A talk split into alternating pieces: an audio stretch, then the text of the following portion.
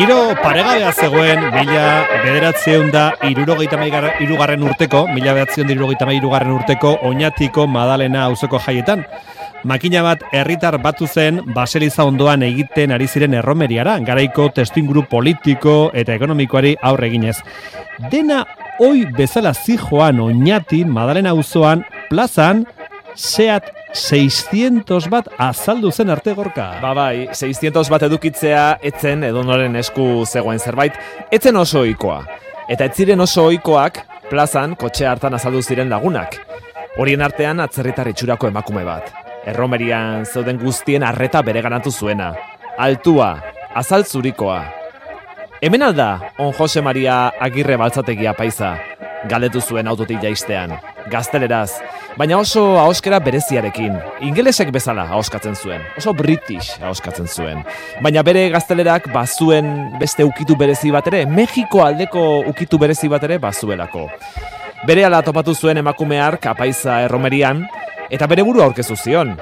Arratsaldeon, nire izena Selma Hashley da, eta historialaria naiz.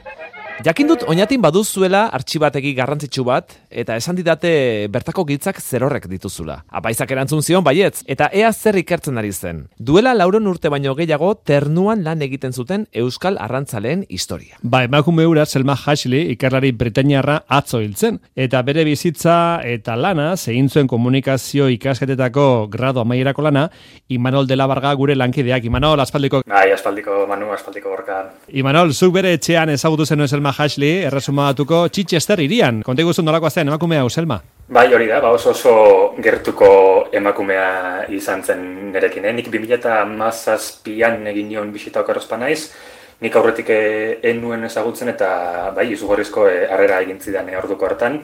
Bere Inglaterrako etxean, bai, e, Chichester herrian, Inglaterra egoaldean, eta mm ordurako laurogeita bederatzi, laurogeita mar urte izango zituen, eta buruak tarteka huts egiten zion arren Euskal Herriko kontuak beti zeuzkan gogoan orain emanu. Bai, aipatu dugu etorri zela ikartzera duela laureun urte baino gehiago, ternuara joaten ziren Euskal Balea Zalen historia. Ze karpin egin digu emakume honek, ze deskubritu dugu berari eskarri, Manol? Zelmaren karpen handiena zalantzarik gabe, Kanadako ternua eta Labrador eskualdetan izandako portu edo asentamentuen e, identifikazioa eta kokapena, Euskal Herritik joandako arrantzalen e, asentamentuen kokapena izan dela esan genezake, e, Selma gai izan zelako ezaugarri geografikoei erreparatuta garaiko dokumentuetan jasotako portu haiek identifikatu eta ba, mapan zehatz kokatzeko dokumentu notarialetan jasotako ezaugarri geografikoien deskirribapenetan oinarritu zen izan ere kontuan hartu behar da ba, urten poderioz leku izen horiek eh, aldatuz doazela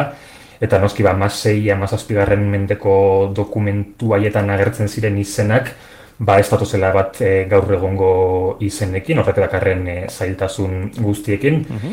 Eta beste datu asko ere badakizkegu zelmari eskerre, bakai hau eta bale arrantzal, arrantzarako erabilitako euskal lontzien ezaugarriak eta izenak dakizkegu, itxas gizon askoren izena bizenak ere jakin zituen, ontzietan eramaten zuten materiala, baina bai esan dakoa, bere ekarpen, ekarpen nagusia portu horien identifikazioa eta portu horien e, ezaugarriak argitzeko gai izan zela. Eta portu horien artean Red Bay izenekoa, badia urare deskubritu zuen berak, Euskaldunentzat porturik garrantzitsuena zena, ezta? Bai, hori da, esan behar da, ala ere, eselmak dozena bat portu bai identifikatu zituela, aipatutako ternua eta labradorre itxasarte horretan, e, bele isle izenarekin ezagutzen den itxasarte horretan, eta bai, etartean e, Red Bay, e, gaur egun ziurrazki e, ezagunena den asentamentua, eta zen mahasia hiri eskardak egu adibidez, amazei garren mendeko, irurogei garren amarraldian, ba, bale arrantzaren une gorenean,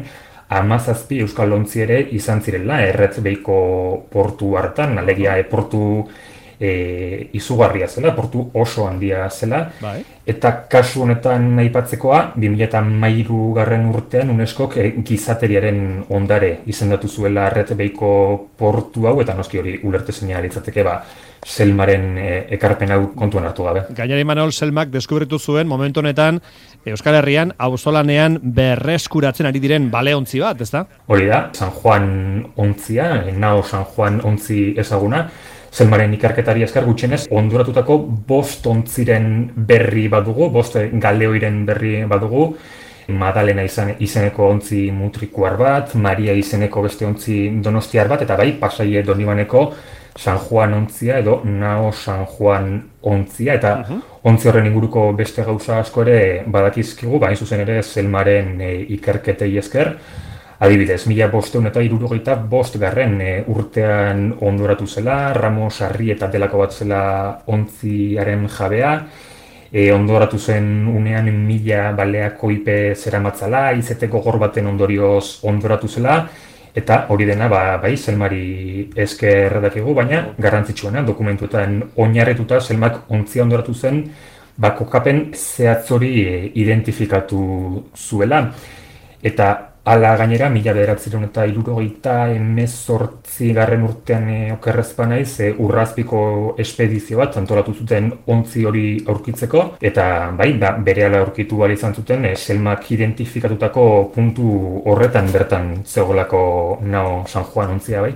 E, selma jasliri buruz hitz egiten dugunean, bere familiari buruz ere hitz egin beharko genuke, ez da? Bai, e, egia da selmaren zenitartekoen artean, e, bueno, ba, zeudela, e, jakintxu eta diplomatiko asko, e, Aldous Huxley idazle ezaguna esaterako, ba, Selmaren aitaren lehen zen, haren anaia, Julian Huxley, UNESCO erakundeko lehen presidentea izan zen, Andrew Huxley, Selmaren e, beste gertuko sinitarteko bat, e, medikuntzako Nobel saria jasotakoa da, hori aitaren partetik eta amaren sendian ere ba, baziren bai intelektual eta hmm. diplomatiko ugari, errasumo batuko armadako goi kargu ugari, beraz, bai, pentsatzeko da zelmari familietik eh, zetorkiola bai. jakin min hori edo ikerketerako grin hori, bai. Imanol, Selma Hasleri asko zordio Euskaldunok, e, Euskal Arrantzalen makina bat historia jaso dituelako, eta, bueno, deskubritu dituelako e, Euskaldunek e, arrap, bale arrapaketan e, Kanadan erabiltzen zituzten portuak,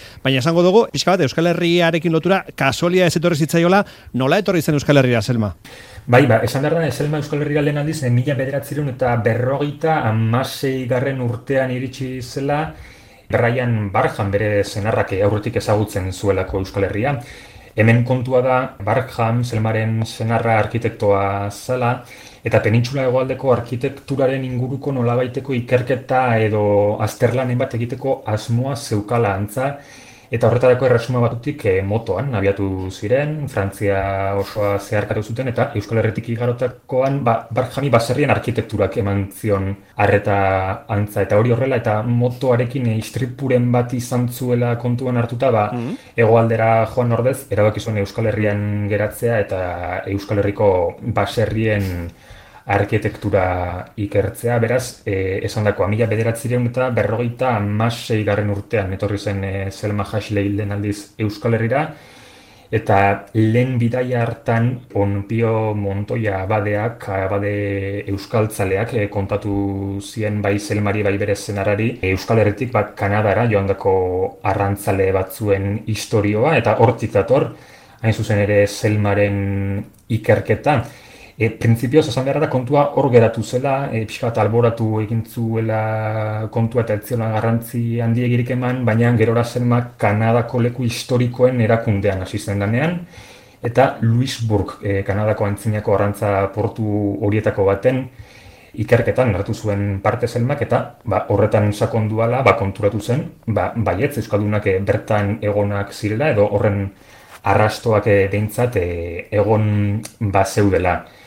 Noski, gaia ikertzeko krina piztu zitzaien orduan bai, baina kontuan hartu behar da, noski, inglesa bai, frantsesa ere bai, baina ba, gaztelera ez zuela menderatzen jaslik, eta noski, ikerketa hori egin alizateko eta artxiboak aztertu alizateko, dokumentuak irakurri alizateko, ba, zelmak bazekien gaztelera mm, erabat eh, beharrezko zuela ordurako esan behar da, Selma alargunduta zegoela eta hamar urte baino gutxiagoko laue seme alaba zituela, baina ala ere erabaki zuen e, baiet ikerketa hori egin behartzuela bai. eta ikerketarekin hasi behartzala. Eta noski lehen pausua, Euskal Herriera etorri aurretik, ba, gaztelera ikastea, lau seme alabak hartu eta Mexikora jontziren guztiak eta irurte eman zituzten, Selmak ingleseko klaseak eman, eta berak bueltan ba, gaztelerazko klaseak jasotzen zituen, esan bezala, e, Mexikon e, Guadalajara irian bai. Bueno, e, bere ikerketarako ba, oso garrantzizkoa ziren artxibategiak, artxibategietan orduak eman zituen Selmak, beste beste Oñatiko Unibertsitateko artxibategian, e, Oñatin bizitzen hogei urte eman zituen, Euskaraz hitz egiten ez zuen ikasi, baina gure hizkuntzan hitz batzuk esateko gaitasuna eskoratu zuen entzunungo dugu, nola hitz egiten zuen Selma Hashlek. Oso harrituta nago eta gainera oso pozik.